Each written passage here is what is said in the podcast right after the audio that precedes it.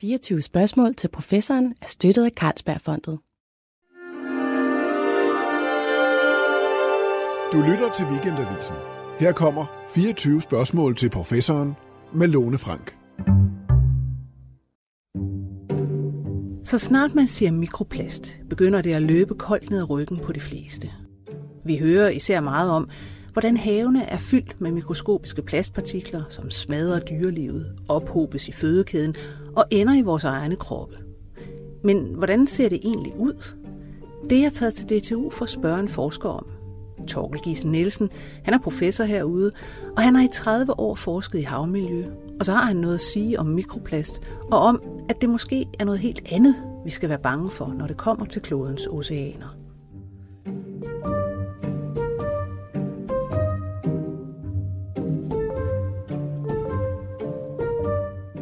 Torkel Gisel Nielsen, tak fordi jeg må besøge dig her på dit nydelige kontor på DTU. Velkommen. Ja. Jeg vil sige, altså det er jo ret sjældent, jeg får henvendelser øh, fra forskere, der, der siger nu, der er noget, de godt lige vil øh, have afdækket. Men du skrev til mig, øh, fordi du sagde, at du var utrolig træt af at høre om mikroplastik i havet. Øh, og du har forsket i havmiljø i 30 år. Og du, du skrev også til mig, at du har aldrig nogensinde oplevet et miljøproblem få så meget opmærksomhed. Hvordan mærker du det? Det, man kan sige omkring mikroplastik, det er jo, at det har den her kæmpe store appeal til rigtig mange mennesker, både forskere selvfølgelig, men også almindelige mennesker. Så jeg får jo henvendelser fra alle mulige typer folk, lige fra skoleelever til gymnasieelever, som er bekymrede for havet, og faktisk også er bekymrede for udviklingen af plastik i havmiljøet. Og som du nævnte indledningsvis, så har jeg arbejdet med havmiljø og havmiljøproblemstillinger i rigtig, rigtig mange år. Blandt andet på Danmarks Miljøundersøgelser, hvor der var ildsvind og giftige alger og sæler og olieforurening. Men jeg har aldrig nogensinde oplevet et miljøproblem, som får så meget opmærksomhed igennem så lang tid. Ting plejer ligesom at gå imod, men det er hele tiden den her meget, meget høje bekymringsgrad for mikroplastik. Og det er jo ikke bare almindelige skoleklasser, det er også, siger du, studerende rundt omkring i verden, altså som, som faktisk studerer havbiologi. Det er det. Det er jo vi arbejder forskellige steder, blandt andet i Afrika, øh, i Ghana, og når man taler med studenter og vores kollegaer der, så er det også det, der ligger nummer et på deres øh, ønskeliste, hvis de skal lave forsøg med effekter af ting, der kan påvirke havmiljøet, så er det mikroplastik. Så der er den her generelle, globale bekymring for mikroplastik. Og man kan sige, det var noget af det, jeg startede med at arbejde med mikroplastik for 10 år siden, og det var netop noget af det, der begyndte, der triggede mig, det var den der kæmpe store bekymring for specielt mikroplastik. Fordi mange af de planktondyr eller dyr, der lever i havet, de er jo tilpasset i miljø med en masse partikler. Så det er lidt svært ved at forstå, hvorfor det skulle være så problematisk.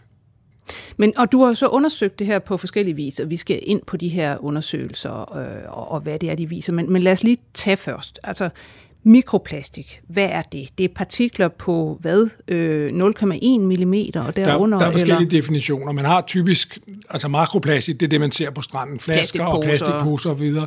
Når det bliver revet i stykker, så bliver det, bliver det mindre og mindre, og det, man definerer som mikroplastik, det er partikel, plastikstykker, der er mindre end 5 mm. Mm. Øhm, og det vi her, specielt min gruppe arbejder med, det er det, der er planktonstørrelse. Det vil sige, det der er 0,1 mm til øh, 10 my, altså 10.000 dele my. Altså det der, det, der overlapper med havets små planter. Det er det, vi er interesseret i, for det er det, der er mest biotilgængeligt. Det er det, der teoretisk set kan gå ind i dyrene, fordi de mis, øh, spiser det i stedet for plankton. Ja, man kan sige, at den store bekymring er jo det her med ikke bare, at det flyder rundt, men at det netop det bliver spist af dem nederst i fødekæden, vandlopper og den slags, og så kører det op og bliver opkoncentreret, kan man sige, ja. hos fisk og mm. dermed hos mennesker osv. osv. Øhm, men, men det her med, hvor meget plastik der for det første er, altså, øh, der kan man jo finde øh, artikler frem, altså selvfølgelig en masse avisartikler, hvor der står altså overskrifter med mikroplast, havene fyldt med mikroplast osv. osv. Der er også en artikel her fra Nature øh, 2020, hvor det, de skriver om, der er høje koncentrationer af plastik, som er gemt under det atlantiske oceans øh, overflade. Altså, du har jo siddet og du har selv målt på mikroplastik, blandt andet i Arktis. Men kender selvfølgelig også til, hvad er målingerne i øvrigt rundt omkring. Hvordan ser det egentlig ud med koncentrationen, når man bare sådan går ud og tager noget, prøver i et hav? meget er altså, vi har, vi har målt med den samme metode, både i Atlanterhavet, omkring Grønland og i danske farvand. øh, sammen med nogle af de førende i, i verden, Aalborg Universitet, som har lavet analyserne af plastik. Og der kan vi faktisk se, at der er mellem øh, 1 og 100 mikroplastikpartikler per kubikmeter vand, altså per 1000 liter vand. Hvis vi sætter det højt, så er der en plastikpartikel, men der er jo en million biologiske partikler i samme størrelsesorden. Ikke? Så det er ligesom at sætte det, det der forhold, ikke? at det er, der er simpelthen så meget. Og der er også øh, cellulosefibre og alt muligt andet ikke biologisk. Ikke? Så det er altså ret lave koncentrationer, men det man selvfølgelig skal være opmærksom på, det er, at der er kolossale mængder vand. Altså gennemsnit, med gennemsnitdybden for havene, det er næsten 4 km, så der er rigtig meget vand, og det vil sige, der kan jo også være rigtig meget plastik i det. Og alle de steder, vi har taget prøver, der er plastik. Så man kan sige, det er jo ikke fordi plastik på nogen måde er en god ting. Det er jo sådan et menneskeligt fingeraftryk. Når der er plastik, så er det fordi, vi har på en eller anden måde påvirket det, det natur, men altså det stykke natur. Men der, så der er plastik over det hele, men koncentrationerne er ret lave. Men, men øh, nu siger du, at koncentrationerne er ret lave. Der må være nogle, nogle forskelle, regionale forskelle. Altså, man har jo, nu har man jo hørt her øh, over sommeren, at for eksempel Middelhavet er møghammerne forurenet med alt muligt især. Ikke? Altså, ja, der er selvfølgelig nogle af de store, altså der, de der billeder, man typisk ser, det er netop fra nogle af de store floder i Indien og også i Nordafrika, hvor der bliver bragt kolossale mængder af plastik ud i havet. Der er selvfølgelig nogle hotspots, hvor der bliver bragt plastik ud, men det man så skal være opmærksom på, så det er, at så bliver det nedbrudt af sollys og af mekanisk, altså det ligger og skuer op og ned af klipperne, og så bliver det til mikroplastik, og så bliver det spredt. Og det vi kan se, det er, at, at der er, vi har lavet noget ved Grønland, og der er selvfølgelig en lille smule højere plastikkoncentration ud for Nuuk, altså hovedstaden i Nuuk, men det er stadigvæk meget, meget lave plastikkoncentrationer. Det er 200 partikler per kubikmeter. Og det man skal være opmærksom på, det er, at de to, en kubikmeter vand i Arktis, der er jo millioner af andre partikler i den størrelsesorden. Så det er ligesom at veje en mus på ryggen af en elefant. Ikke? At det er en kæmpe baggrund, og så har man noget plastik inde i det her vand også, som er det, der bekymrer folk. Men så er øh, bekymringen jo også det her med, jamen ophobes det ikke fødekæderne, fordi de her små plankton øh, kører rundt i det her vand, og, og hvad skal man sige, formentlig spiser det her plastik, øh, og så selv enten bliver øh, syge eller får en anden adfærd, øh, skade adfærd, og, og øh, så bliver spist af fisk, og dermed øh, bliver der øh, en ophobning. Det, det ser man ofte. Jamen, der sker jo en ophobning i fødekæden. Det står der ofte i avisartikler, mm. uden at henvise til noget andet. Det gør der jo.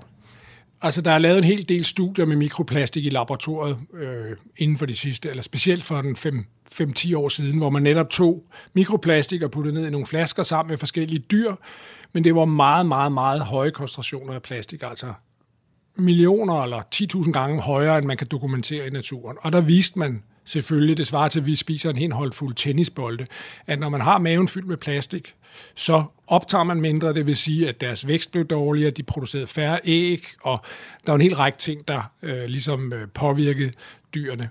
Men derfra så slut det, at, at det har en effekt ude i naturen, der er altså et ret stort step. Så det, vores projekt går ud på, det er at prøve at arbejde med plastikkoncentrationer, som er dokumenterbare i naturen, for ligesom at få skabt et ordentligt videngrundlag, om det også betyder noget i naturen. Men det vil sige, at I skal jo sådan set ned på, I bliver nødt til at lave hvad det hedder, en kubikmeter vand, og tage en vandloppe, og så øh, 10 partikler. Ja, og, og, og, og det er lige præcis det, man bør gøre, og det, og det kan man ikke. så det vi gør, det er, at vi arbejder med nogle meget, meget lave, stadigvæk relativt høje koncentrationer sammenlignet med, hvad vi har i naturen, men langt lavere, end man har arbejdet med tidligere. Og det vi kan se, det er, at når de her forskellige planktondyr bliver tilbudt plastik, så spiser de det, får det ind i maven og skider det ud igen. Det svarer fuldstændig til det scenarie, som jeg i hvert fald oplevede med mine børn, da de var i børnehave, og man kom for at hente dem, og så står der en eller anden pædagog og vrider hænder og siger, lille Petra har et en helt holdfuld perleplade perler, ikke? ja. og de bliver jo skidt ud dagen efter.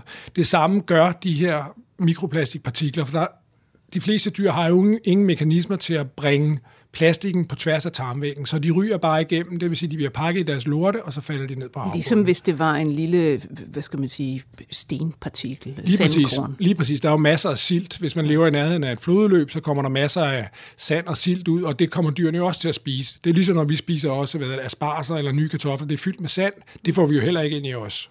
Så, så hele det grundlaget for den her bioakkumulering, som det hedder, det der med, at der bliver mere og mere af det, jo højere man kommer op i fødekæden, som man jo ganske rigtigt ved fra kviksøl og en masse andre mm. stoffer. Det kræver jo, at det kommer ind i vævet, fordi hvis en fisk spiser en vanddoppe, som har plastikpartikler i tarmen, så bliver vandloppen opløst ned i fiskens tarm. Fisken optager det, at vandloppen kan bruge, og så skider den resten ud. Det vil sige også mikroplastikken. Så fisken får ikke mikroplastikken ind i sig, så der er ikke en bioakkumulering.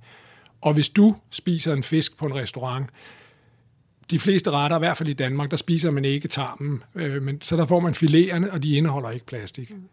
Altså noget interessant er vel også, du, hvis vi går tilbage til øh, 2017, mm. der mhm. var du med til at lave en undersøgelse, så vidt jeg ved, om hvorvidt at der over 25 år var sket en stigning af indholdet af plastik i fisk. Mm. Øh, og det vil man jo forvente, fordi at der er sket en enorm stigning, ja. formentlig af koncentrationerne af mikroplast i havet osv. så videre over de 25 år, fordi vi simpelthen hele tiden producerer mere, putter mere ud i havene. Men der var så ikke sket noget med hensyn til koncentrationen i fiskene. Nej, øh, det studie, det viste sig, at vi fandt ud af, at nogle af mine kollegaer, at de havde nogle frosne sild og nogle øh, vandprøver, som gik 25 år tilbage i tiden, øh, der gik vi ind og analyserede de her, og det var fra Østersøen ud fra Bornholm, og der kunne vi se, at plastikkoncentrationen i det her Bornholmerbassin var stort set konstant. Der var ikke sket nogen nævneværdig stigning, til trods for hele øh, industrialiseringen i Østeuropa og så videre. Og vi kunne også se, at de fisk, vi kiggede i, det var nogenlunde samme mængde plastik, de havde. Øh, så der var ikke sket nogen øh, stigning af, hvad de havde i tarmsystemet. Men hvad fanden sker der så med alt det her plastik? Så øh, altså, synker det til bunds? Eller hvad? Det, det er et af de helt store... Øh, noget af det, der virkelig kan undre, men meget af det, det må formodentlig blandt andet blive pakket, blandt andet i de her lorte fra forskellige dyr, og så bliver det sendt ned til bunden. Man ved, man har størrelsesorden og højere koncentration af mikroplastik i bunden. Det vil sige, at alt det, der er oppe i, i, øh, i, øh, i vandet, det bliver på et eller andet tidspunkt et, pakket i en eller anden lort, eller falder til bunden sammen med et dødt dyr, og så kommer det derned. Det må være det, øh, der er tilfældet. Og det andet tilfælde er jo også det, øh, at der er sindssygt meget vand. Det kan godt være, at der kommer vognlæs og vognlæs og vognlæs ud i Østersøen, men man skal jo tænke på, at det skal blive, gå i stykker, og så bliver det øh, opløst eller fordelt i den her kæmpe store vandmasse. Så der er en del plastik, men det er også fordelt meget tyndt. Ja. Okay, det er så selve plastikken og de her øh, mikropartikler. Men så kan man jo begynde at tænke på alt det, der er i den plastik. Mm. Altså Nina Sedergren, som er miljøtoksikolog på, på Københavns Universitet, havde for ikke ret lang tid siden en klumme i Weekendavisen, hvor hun faktisk skrev om, at noget af det, der bekymrede hende, altså ikke fordi hun har mål på det endnu, men det, der bekymrer hende, øh, er, at jamen, fra det her mikroplastik, der findes i havet, der må jo sive alle de her mærkelige kemikalier, man har brugt til at fremstille det, om det nu er blødgører eller hvad pokker det er. Og kan de ikke være farlige? Det er jo helt sikkert en, en reel bekymring. Vi arbejder også med de der forskellige øh, stoffer, der er i plastik. Og det, man kan gøre, det er jo, at man kan tage plastikken, og så kan man lade ligge i vand, og så kan man fjerne plastikpartiklerne, og så har man den der cocktail tilbage. Noget af det, det er forskellige pH, altså oliestoffer. Der er en del zink i, der er en masse forskellige stoffer i det.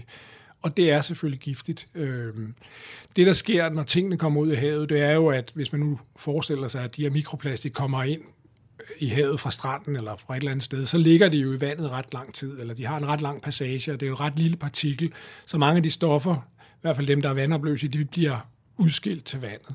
Øhm, så jeg tror, at umiddelbart er det ikke den store risiko, fordi at øh, mange af de plastikpartikler, der bliver spist, har ligget og sovset rundt i vandet, og, og der er sol, som også nedbryder mange af de her organiske forbindelser, og derudover er der bakterier. Bakterier vil vokse på plastikpartiklerne, og mange af de her bakterier. Der er jo alle mulige funky bakterier, som kan nedbryde hvad som helst. Så hvis, hvis en plastikpartikel bliver begroet med bakterier, vil bakterierne kunne nedbryde nogle af de stoffer. Men igen, for at komme tilbage til min hovedkonklusion, sådan set, sandsynligheden, uanset om den var toploadet med gift, den der partikel, mm. hvis der er 10 eller 100 i en kubikmeter, så sandsynligheden for et eller andet lille planktondyr møder den, i stedet for en eller anden planteplankton, som er dens rigtige føde, den er virkelig, virkelig lille. Øh, og der er rigtig mange dyreplankton, så hvis der er en af dem, der dør, vil man aldrig se det. Øh, men umiddelbart tror jeg, at mange af de her giftstoffer de vil være vasket ud, når de møder dyrene ude i havet. Mm. Meget af Torkel Gissel Nielsens forskning foregår i laboratoriet. Og det vil sige i kælderne under DTU, hvor han har sine forsøgsorganismer. Vi skal ned i dit laboratorium. Hvad, ja. hvad er der dernede? Hvad for nogle organismer arbejder I med?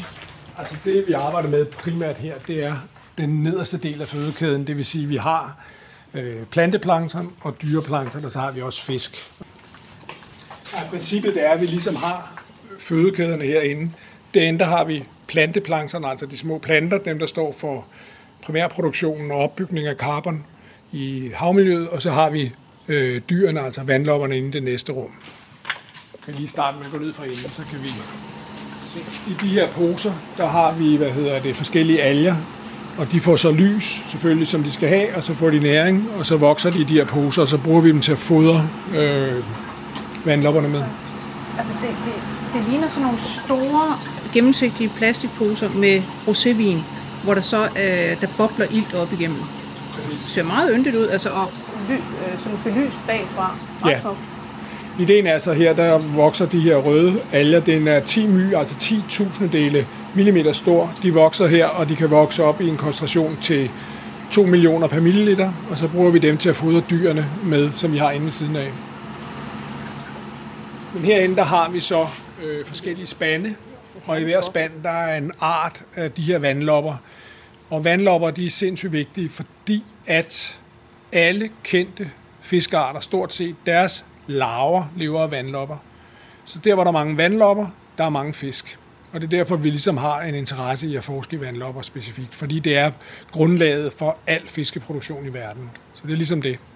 Jamen, er, det er det sådan, du kom ind i, i den her øh, branche? Fordi umiddelbart tænker jeg, hvordan finder man på som ung menneske at, at interessere sig for vandlopper? Mm, ja, jeg var mere interesseret i havmiljø, men så kom jeg ind og kiggede netop på vandlopper. Vandlopper har den der centrale rolle i fødekæden. De spiser øh, planteplanktonet, og så er de føde for fisk, og så samtidig er deres lorte sindssygt vigtige i forhold til, hvor meget kulstof, der bliver hævet ud af vandet. Hver gang de laver en lort, så falder den ned på bunden, og den falder ned på bunden måske 50 meter per dag, hvor en alge aldrig falder ned af sig selv. Det vil sige, at vandlopperne er ligesom sådan et tandhjul midt i fødekæden. Som, ja, de gøder, og de fjerner, øh, og de føder, foder, for, foder, foder for fisk.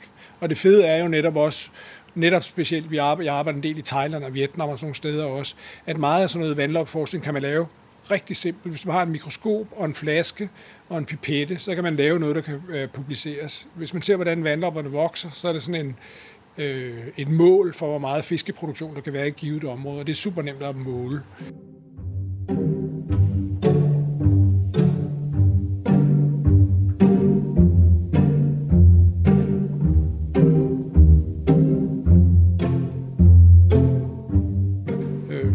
Det vi kan se her, det er øh, en af de alleralmindeligste vandlopper, vi har i, i øh, vores kystområde. Den hedder Centropagus typicus.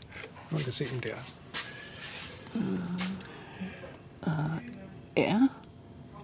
Og de har så de her antenner, som de dels øh, svømmer med, og så bruger de dem også til at øh, som sensoriske organer. Du kan se, der sidder sådan en masse ja. små hår hele vejen rundt på dem. Ja. Øh, Altså, de, ja, det ligner sådan, hvad skal man sige, kroppen ligner jo sådan en, øhm, ja, enten en sølvfisk eller en bænkebider egentlig. Jamen, der er en lang hale. De ligner mere en lille ja. reje, faktisk, ikke? Ja, ja jeg vil sige en, en bænkebider med de der kæmpe antenner på, ja, det er så rigtigt. en lille hale. Ja.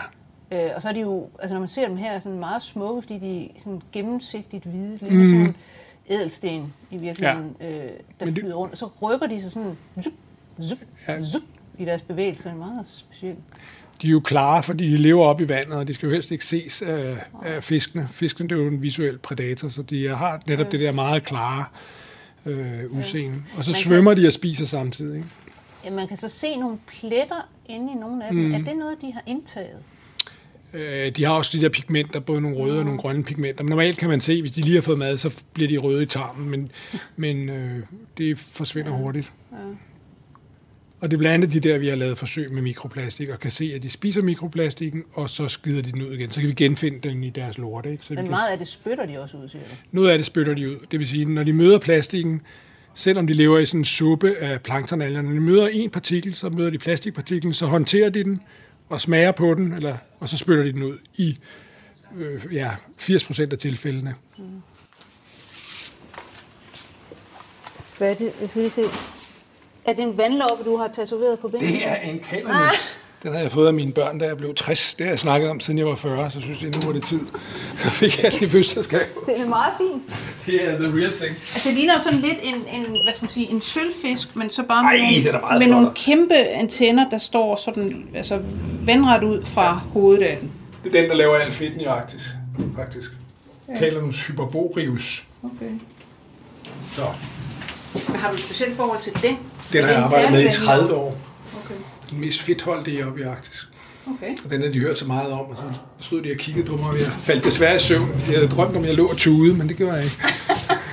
Stor skuffelse.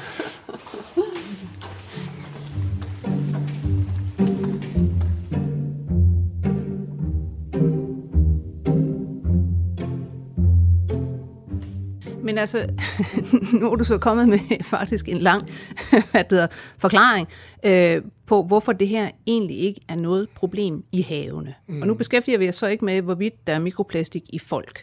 Det er noget, sundhedsforskere må tage sig af, og det vides der også meget, meget, meget lidt om. Rigtig lidt, ja. Men hvis det ikke er noget problem i havene, altså, øh, er, er, der, er der slet ikke nogen problemer med plastik og vores have?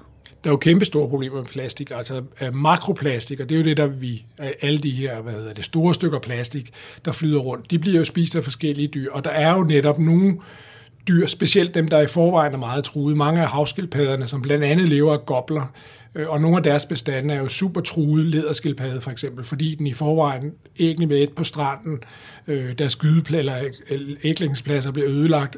Hvis de æder plastikposer i den tro, at det er gobler, og de har en meget convoluted, eller hvad, sådan indviklet tarmsystem, fordi de også lever af planter, de dør simpelthen. Mm. Og det andet store problem med makroplastik, det er for eksempel sådan noget som spøgelsesnet. Der ligger jo kilometer og kilometer, kilometer af net, som også er plastik, og flyder rundt ude i havene, blandt andet tunnet, og de fanger albatrosser, tun, valer, you name it. Så makroplastik er 100% sikkert et stort problem. Det ser vi også i vores farvand, at der er dyr, sæler og malemukker og suler osv., som æder plastik og dør af det. Men det er det store plastik, det er det, vi kan se. Så skal jeg lige høre, øh, det store plastik, er det det, der bliver til plastikøer? Eller eksisterer de der plastikøer Nej. ikke? Plastikøerne, det er også en meget, meget sejlet myte, øh, som bliver ved med at køre, at der skulle være ude i Atlanten de her meget, meget store øer. For nogle år siden, der var en ikke navngiven minister, der sagde i radioen, at der i Atlanterhavet lå plastikøer på størrelse med Frankrig og flød rundt øh, på sådan et meget populært P3-program. Og det er noget fis. Der er selvfølgelig områder, hvor plastik bliver opkoncentreret, fordi strømmene samler det, men det er jo ikke noget, man... Altså en ø, det er noget, man kan stå på. Der er bare områder med forhøjet plastikkoncentration. Altså, der er jo noget, der hedder The Great Pacific Garbage Patch, som Ja. er på størrelse med to gange Texas. Ja, den findes ikke. Den findes Der ikke? er noget, der hedder garbage soup, maybe. Hvad hedder det? De begynder jo at tale, man begynder at tale om supper mere, fordi det er netop områder, hvor der er høj koncentration af mikroplastik, men det er jo ikke noget, uanset hvor stærkt dine briller er, det er jo ikke noget, du umiddelbart kan se. Vi var på det togt for i 2014, hvor vi sejlede på tværs af nogle af de områder, øh, hvor der var plastic patches. Og jeg blev ringet op af nogle journalister inden, som gerne ville med på togtet, fordi de havde en fotograf og en journalist, og journalisten ville gerne ud og gå på øh, de her øer og blive filmet selvfølgelig. Ikke? Mm. Øhm, og det var ikke nogen idioter. Det var, altså, det var ligesom den viden, der var på det tidspunkt. Og der er ikke nogen øer. Og det er netop det, der er virkelig sejlivet. Jeg var sammen med en meget veluddannet person her for ganske, ganske kort tid siden, som var jo helt forundret over, at de øer ikke findes. Men det gør de altså ikke. Nej. Men, men lad os tage det her med øh, forundringen. Ikke? Øhm, som du selv siger, du har forsket i det her i 30 år, og har beskæftiget mig med dig med mikroplastik i hvert fald i 10. Mm-hmm. Øhm, og du kan ligesom se, at jamen, man kan komme med de her studier, der viser, at der er meget, faktisk meget, altså koncentrationen af det er meget lav. Vandlopperne spiser det ikke rigtigt, så det kan ikke ophobes i fødekæden. Men du siger, at øh, det bliver ved med, også i faglige cirkler, at blive behandlet som et, et problem i, øh, hvad der, med mikroplastik lige præcis. Hvorfor gør det det? Altså, hvorfor er det så, hvorfor fænger det så meget? Jeg tror, hvis man tager sådan mere generelt, også i forhold til netop det, du nævner, avisartikler og så videre, der er jo sindssygt mange, også alvorlige miljøproblemer, som for det første er oldgamle, eutrofiering, altså beri, næringsberigelse af vores kystområder. Folk er lige ved at brække sig, når man taler om ildsvind. Ildsvind, ja. Det har man hørt om i 50 år, men det gør jo ikke problemet mindre. Men man kan ikke se det. Mange af de her ekstra kuldioxid i atmosfæren og drivhusgasser, så man kan heller ikke se det. Plastik er noget, vi alle sammen kan relatere til.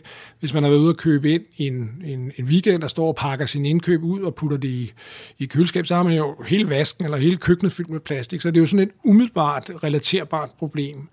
Og man kan sige, det er jo heller ikke fordi, at det nødvendigvis er dårligt, at folk er bekymret for plastik. For jeg tror, at når man er bekymret for plastik, så har man jo en generel miljø opmærksomhed. Så man kan sige, hvis der er plastik over det hele, så er der jo også alle mulige andre stoffer. Så vil der jo være kviksølv, der vil være oliestoffer og alt muligt andet.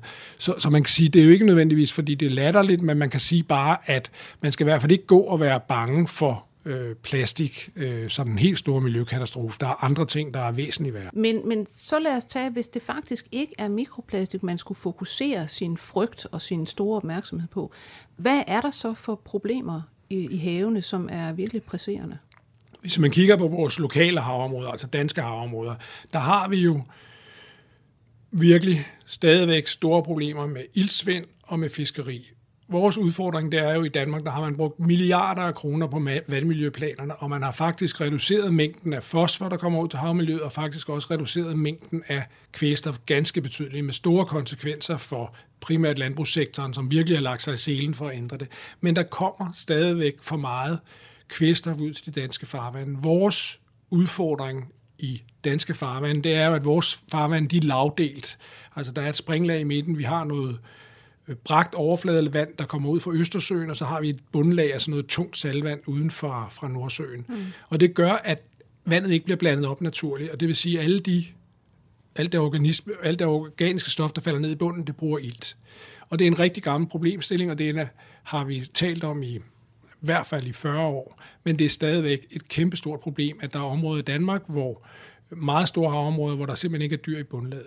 Og så har vi også fiskeriet, som selvfølgelig også påvirker øh, vores havområder. Problemet med de her ting i forhold til mikroplastik, det er jo, at det bliver meget mere politisk. Der er meget større økonomiske interesser, og der er meget, man bliver, det bliver meget polariseret diskussion. Og det tror jeg måske også er en af grundene til, at plastik kan fylde så meget. Det vil, fordi uanset om man stemmer på DF, Venstre eller Enhedslisten, så kan man godt blive enige om, at plastik det er noget lort.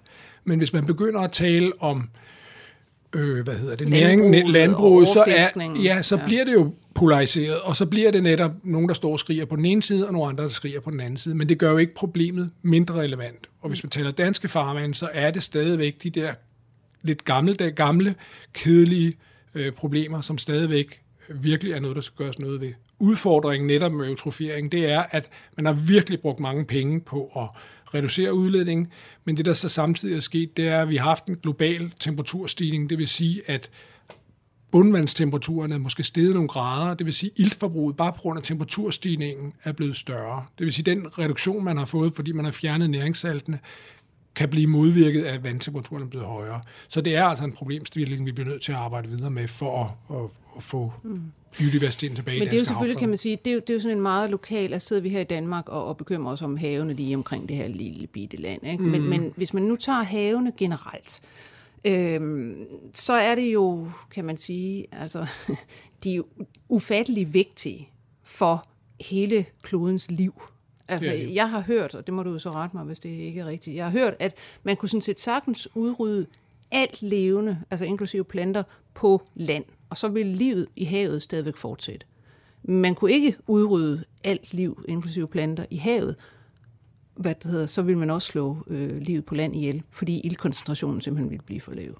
Cirka halvdelen af primærproduktionen, altså iltproduktionen, globalt, den bliver lavet af plankton og af havet. Så det er sådan cirka 50-50. Så havet er jo virkelig, virkelig vigtigt. Og man kan sige, hvis man kigger på noget af det, som jeg også har arbejdet med, og vi arbejder med her, det er jo så global opvarmning. Og der har jeg igennem, jeg har arbejdet på Grønland i cirka 30 år, og noget af det, jeg arbejder rigtig meget med, det har været effekt af hvad sker der, når isen smelter? Hvad sker der nede i havet, når vandet bliver varmere? Hvad sker der med fødekæderne der? Og det ved vi alle sammen. Vi kender alle sammen de der billeder af sultne isbjørne og mm. isen, der trækker sig tilbage, og at havmiljøet bliver, bliver mere åbent, og der ikke er så meget is, og tingene bliver varmere. Og det er en problemstilling, der betyder noget i Arktis. Men man kan sige, det, at det bliver varmere, det betyder noget globalt set. Og hvis man prøver at kigge på en globus og ser, hvor folk bor, så bor måske 80 eller 85 procent af den globale befolkning, den, bor jo meget tæt på ekvator. Ja. Og videngrundlaget for, hvad der sker med de tropiske havområder, når det bliver varmere, er meget, meget lille. Vi har nogle projekter, hvor vi arbejder blandt andet i Ghana, og det vi kan se der, det er, at havtemperaturen i Ghana, den er så høj naturligt, at hvis temperaturen der bare stiger nogle ganske, ganske få grader, så bryder de her fødekæder i havet sammen, som er grundlaget for fiskeriproduktion, fiskeriet og er proteinkilden for globalt set rigtig, rigtig mange millioner af mennesker. Så man kan sige, at der, der er en eller anden skævvridning, man kan sige globalt set. Man har ret meget viden om klimaeffekter i de områder, hvor der bor relativt få folk, men der, hvor folk virkelig der bor vi. Der bor vi lige præcis. Og man kan sige, rent globalt er der jo vel en rimelighed i, at man forsker så alle får glæde af det. Og man kan sige, at det, der sker i trupperne, ved man meget, meget lidt om. Og der er ingen tvivl om, at trupperne er et område, som virkelig er udsat. Og vi ved alle de her vilde hedebølger, der er, vi har hørt rigtig meget fra Indien, hvor temperaturen kommer op over 40 grader, 46 grader, og vandtemperaturen i nogle kystområder i Indien har også været langt op over 35 grader. Og det betyder, at de der fødekæder bryder sammen. Det betyder jo ikke, at de uddør, fordi der er billiarder af de her vandlopper og ting, men det kan betyde noget for det lokale fiskeri. Men, men kan man forestille sig, at øh, hvad skal man sige, på grund af den her opvarmning, at der så vil ske en, han har sagt, en flugt og en opkoncentrering af øh, hvad det, forskellige organismer øh, i, i mere nordlige egne, sådan at der sådan set kommer flere fisk og, og, og i det hele taget mere biomasse oppe nordpå, øh, men, men ikke der, hvor en hel masse henter deres fisk til daglig. Altså det, man kan se jo, når det bliver varmt på midten af, af kloden, det er, at øh, altså, planktondyr kan ikke svømme, de er underlagt vandbevægelser, men de dyr, der kan bevæge sig, de svømmer væk, og det vil sige nordpå og sydpå, for at få det koldere, eller går ned i dybet. Og det vil så sige, hvis man er fisker i et eller andet tropisk, ekvatorialt tropisk land, så de fisk, man har kunne fange med en lille kano inde ved kysten, de er der bare ikke, fordi de er svømmet ned eller væk.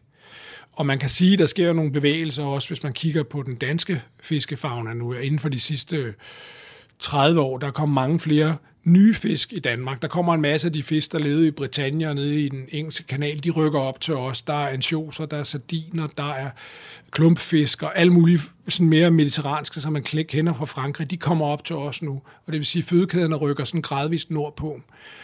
Og hvis man er mobil og har en stor fiskeriflåde, så kan man selvfølgelig følge nye, nye hvad hedder det, fiskeressourcer og følge dem med i deres vandring. Men hvis man er en øh, relativt fattig person, der bor i et eller andet ekvatorialt land, så kan man jo ikke lige pludselig sejle 200 km til havs eller 200 sømil nordpå for at følge en eller anden fiskebestand, som har rykket sig. Men er det igen, kan man sige, i virkeligheden, altså det er, det er fordelingen af problemer, der er et problem, fordi at alt i alt med temperaturstigninger i havet, hvor man vil øh, egentlig forudsige, at, at hvad skal man sige, det vil være udmærket for hvad det hedder, den biologiske produktion i havet.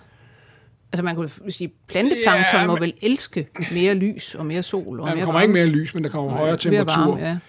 til et vis grænse, men det er jo det, øh, hvad hedder det, de organismer, der vokser omkring ekvator, de er jo faktisk tilpasset ret grundigt den temperatur, der er der. Og hvis temperaturen stiger en lille bit smule, altså ganske få grader, så går, så går de ned. Altså så vokser de dårligere. De er tilpasset de øh, konditioner, der er der. Og man kan sige, at det, der styrer produktionen i havet, det er jo selvfølgelig sollyset, men det er jo også den mængde næring, der er. Så medmindre man plører mere næring i, så får man ikke en højere øh, produktion. Og den anden bagsiden af det her, det er jo også, at iltforbruget i vandet bliver større. Det vil sige, at der kommer en større iltgæld ned i bundvandet, hvis man øger temperaturen. Ikke? Mm. Øhm, men det er en udfordring, og det er noget, man ser nu, at de her bestande flytter sig. Og man kan sige, at det er noget, man, man, man øh, bør forske i netop i forhold til, hvordan man i omkring i, i tropiske lande, hvor der virkelig er mange mennesker, og de vil gerne vil have en bedre levestart, hvordan udnytter de ressourcer lokalt bedre, og de behøver ikke gøre præcis de samme fejl, som vi har gjort, hvordan, så man kan sige meget af det her øh, ulandsbistand osv., det kan man jo netop få rigtig meget ud af ved at, ved at få opbygget viden omkring tropiske økosystemer. Men er der så ikke en masse spirende havforskere, der drøner til troberne og siger, mikroplastik, det gider vi ikke, vi vil hellere forske i, hvad der sker i troberne? Nej, der er ikke, der er ikke særlig mange. Altså Danida har, øh, har finansieret en del øh, tropisk forskning, men der er ikke særlig meget øh, forskning i tropisk havmiljø, i hvert fald når man taler Danmark. Øhm, og, og man kan sige, det er jo noget, der har konsekvenser for os også i den grad, at hvis man står i Sydeuropa eller står på Sardinien eller Sicilien og kigger ned over Afrika, så er der jo hundredvis af millioner af mennesker, som gerne vil nordpå af politiske årsager, men rigtig mange af dem også af økonomiske årsager. Hvis de små fiskersamfund, for eksempel i Vestafrika eller Østafrika, hvis deres grundlag for deres eksistens forsvinder, så kan de lige så godt tage nordpå, eller så bliver de jo nødt til at tage nordpå for at finde nogle penge. Så ja, der er også et incitament. Selvfølgelig vil en forskning i havmiljøet ikke umiddelbart øh, give arbejdspladser, men det vil gøre, at man vil forstå de havmiljø, den del af havmiljøet bedre, og måske kan holde folk der på en anden måde, hvis man kan lære dem at udnytte øh, de ressourcer på en optimal måde, i forhold til, hvordan vi har gjort, for eksempel. Er der, noget, er der nogle områder, kunne jeg også sige, hvor, hvor man står som forsker og siger, at det her, det burde vi virkelig begynde at se på, fordi det, det kunne være potentielle øh, problemer? Eller andet, som man ikke rigtig har øh, altså, øje for, måske? Det. Altså det, det, vi arbejder med, og det, der er rigtig vigtigt også, det er, at klimaændring er jo en ting, men meget af det, man taler om også, når man kigger i de her havmiljøer, blandt andet, ja, også i Danmark, men det vi laver i trupperne også, det er den cocktail-effekt. Der, hvor vi arbejder i Ghana, der bliver vandet varmere. De har olie efterforskning, det vil sige, der er olie i havvandet. Der bor 44 millioner mennesker i Ghana. De har ingen rensningsanlæg, det vil sige, deres spildevand kører ud og de kigger efter guld. Det er meget rigt guld. Guld bliver udvundet blandt andet med cyanid og kviksøl. Så det er de her kystsystemer, der har man et system, der bliver varmere, og så er det påvirket af alle de her forskellige giftstoffer samtidig. Og det, man skal være opmærksom på med sådan nogle ting, det er en og en er ikke to. To miljøpåvirkninger kan godt give 10, fordi at det bliver en, altså en synergieffekt. Så hvis man både har meget, meget varmt, og påvirker vandet med olie. Det har vi lavet forsøg med, så får det en meget dramatisk effekt. Så prøv at forstå de her forskellige mekanismer i forskellige systemer er rigtig, rigtig væsentligt. Også i forhold til, hvordan man i lande med en begrænset økonomi, hvor skal man lægge sin øh, miljøeffekt ind? Er det vigtigt at få reduceret, lavet spilde, øh, spildevandshåndtering, eller skal man prøve at undgå at få olie ud i havområderne? Så der er en masse viden øh, opbygning, og man kan sige, der er masser af super veluddannede folk dernede, som kan uddannes og, og kan gøre de ting i samarbejde med os i første omgang, men på lang sigt selvfølgelig selv. Nu nævnte du før øh, tungmetaller. Mm. Det er sådan noget, som jeg altså, tænker tilbage fra min øh, hvad hedder, ungdom. Der talte man mm. der også meget om mm. tungmetaller øh, som et problem mm. i havene, og mm. netop opkoncentrering mm. i fedtet hos de her ja. hvad skal man sige, forskellige fisk, som mm. vi spiser. Mm. Øh, er det vidderligt et problem? Ja, det ved man jo, og det har man jo netop undersøgt rigtig meget, og det er jo et problem specielt, eller det er et problem alle steder med at spise fede fisk. Og det ved man netop også, specielt i Arktis, hvor fedt på en eller anden måde er fødekædens valuta. De her vandlopper, der er der, vandlopperne, de laver fedt, eller koncentrerer fedten fra algerne, og det bliver koncentreret i små fisk, som bliver koncentreret i lidt større fisk, som så bliver koncentreret i sæler og isbjørn. Det vil sige, op gennem den her fødekæde kommer der mere og mere øh, øh, kviksøl og forskellige øh, oliestoffer. Og man er jo i en situation, på Grønland i hvert fald, hvor man fraråder kvinder, der gerne vil være gravide, der ammer, øh, øh, ikke at spise det her klassiske grønlandske mad, hvor der er rigtig meget fedt. I hvert fald lade være at spise fedt. Det er lidt det samme, vi ser hjemme med PFOS nu, at man også fraråder folk og øh, ja, være forsigtig med armen, hvis man laver et område, hvor der er masser af PFOS. Så de her forbindelser bliver ophobet i fødekæderne i modsætning til plastik. For det går ind i vævet, og det vil sige, fisken, som spiser 10.000 vandlopper, den koncentrerer sig alt kviksølvet fra de 10.000 vandlopper, og det mm. kører ind i fiskens fedt, og så videre, og så videre. Så der bliver mere og mere opad. Altså de her fede fisk, vi får at vide, vi endelig skal spise, altså en eller to gange om ugen, det er måske ikke den bedste idé. Hvis man tænker på sit nervesystem, det er jo ofte hjernen og nervesystemet, det hos os faktisk går ud over. Jamen, jeg tror problemet i hvert fald i forhold til Arktis, det er jo der er meget kult. Der er jo ikke nogen i Danmark, der lever af sæler, øh, eller vil spise sæler rigtig tit. I Grønland er der jo områder, hvor man gerne vil spise sæl fem gange om ugen, hvis man har mulighed for det. Så det er, hvis du spiser sæler fra Østersøen, de er også knaldfyldt med alt muligt gift, men der er jo ikke nogen, der spiser dem. Mm. Øh, så, så, så det skal man selvfølgelig lade være med. Men altså, det er sådan en balance. Man skal jo have nogle fede fisk også, og så får man selvfølgelig noget med i købet, afhængig af, hvor de kommer fra. Men her, her til sidst, altså nu har vi så været igennem ildsvind, er et stort problem i danske farvande. Klimaforandringer er et mega problem i troberne, hvor der bor en hel masse mennesker. Tungmetaller er et problem, særligt i Arktis, men også i virkeligheden hos os andre. Øhm, tilbage til det her med plastik som jo øh, er det rigtig mange mennesker bekymrer sig for. Og nu kommer du så og siger, jamen altså glem det der mikroplastik, det er ikke det, er ikke det der, der er det store problem. Øhm, hvad skal de her mennesker så gøre? Altså skal de føle sig øh, beklemt over, at nu har de siddet og, og blevet meget bekymret over mikroplastik, og så bare begynde at bruge plastikposer igen? Eller hvad, hvad skal der ske? Nej, jeg synes, at jeg synes, at den her bekymring for mikroplastik jo på mange måder afspejler noget meget sympatisk. Det er, at folk har en bekymring for havmiljøet. Øhm, og det, at der er mikroplastik alle steder, det ved vi jo faktisk. Der er mikroplastik i pingvinkolonierne i Antarktis. Der er mikroplastik i det arktiske ocean nord for Grønland. Der er mikroplastik i bunden af Marianergraven. Det vil sige, at vi i min levetid har formået at putte et menneskeskabt øh, stof ud i alle hjørner af verden. Og jeg synes at bekymringen, ikke så meget for det specifikke mikroplastik, men bekymringen for den miljøpåvirkning er super relevant, og den synes jeg bare, at man ligesom skal omfavne og sige, det er jo fint, folk er bekymrede, men der er også andre miljøproblemer, som måske er rigtig meget vigtigere at netop huske, at den globale opvarmning netop er global, og det har konsekvenser på tværs af kloden, og vi stadigvæk i Danmark har store problemer med ting som eutrofiering, altså næringssaltberigelse af vores økosystemer, og øh, fiskeri også har nogle påvirkninger, så man ikke tager den umiddelbare, sådan let identificerbare miljøting frem, men faktisk husker de ting, vi ved, hvad der lige betyder for noget for miljøet. I de danske havområder har vi ikke nogen dokumenterbar effekt af mikroplastik på noget som helst. Men vi ved, at ildsvind betyder meget. Vi ved, forstyrrelser af havmiljøet, hvis man tråler 10 gange om året i Kattegat, betyder rigtig, rigtig meget for biodiversiteten af de områder. Så jeg synes, at den øh, opmærksomhed, der er omkring mikroplastik, den håber jeg, at man kan bruge til ligesom nuancere problemstillingerne omkring havmiljøet noget mere, så man kan sige, der er en bekymring for havmiljøet, der er en bekymring for de fødevarer fra havet, vi spiser, og så tage fat der. Hvem er det egentlig, der har ansvar for at, hvad skal man sige, tale om prioriteringen af problemer? Er det miljøorganisationer, er det forskere, er det politikere? Hvem skal gøre det? Det synes jeg sådan set er hele banden. Altså det er selvfølgelig mig, jeg er jo ikke politiker, men jeg skal servere nogle data, som journalister kan formidle til almindelige mennesker, så folk får et nuanceret billede af det.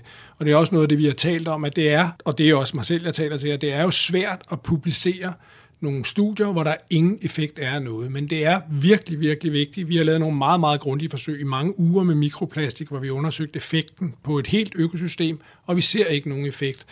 Og jeg skal da heller ikke sige mig fri for at sige, at det undrer mig, at man kigger på det her, men det er virkelig rigtigt. Jamen, der er ikke nogen effekt. Og det er rigtig, rigtig vigtigt, at man får den information publiceret i den videnskabelige litteratur, og selvfølgelig også formidlet videre til journalisterne, så de kan sige, vi kan altså ikke se nogen effekt af mikroplastik. Man skal måske ikke være så sindssygt bekymret for mikroplastik, men bruge den bekymringsenergi på nogle andre miljøproblemer. Tusind tak, Torkel Gissen Nielsen, for at jeg måtte besøge dig her. Det var meget, meget oplysende og meget, meget tankevækkende. Det var dejligt, at I kom. Tak for besøget.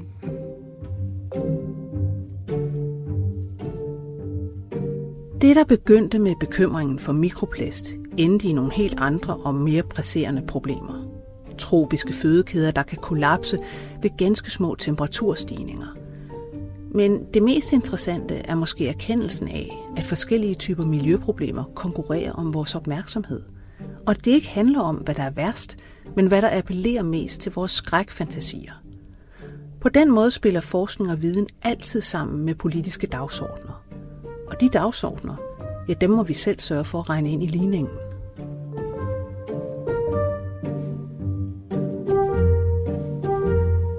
Programmet i dag blev produceret af Birgit Nielsen Petersen, og jeg hedder Lone Frank.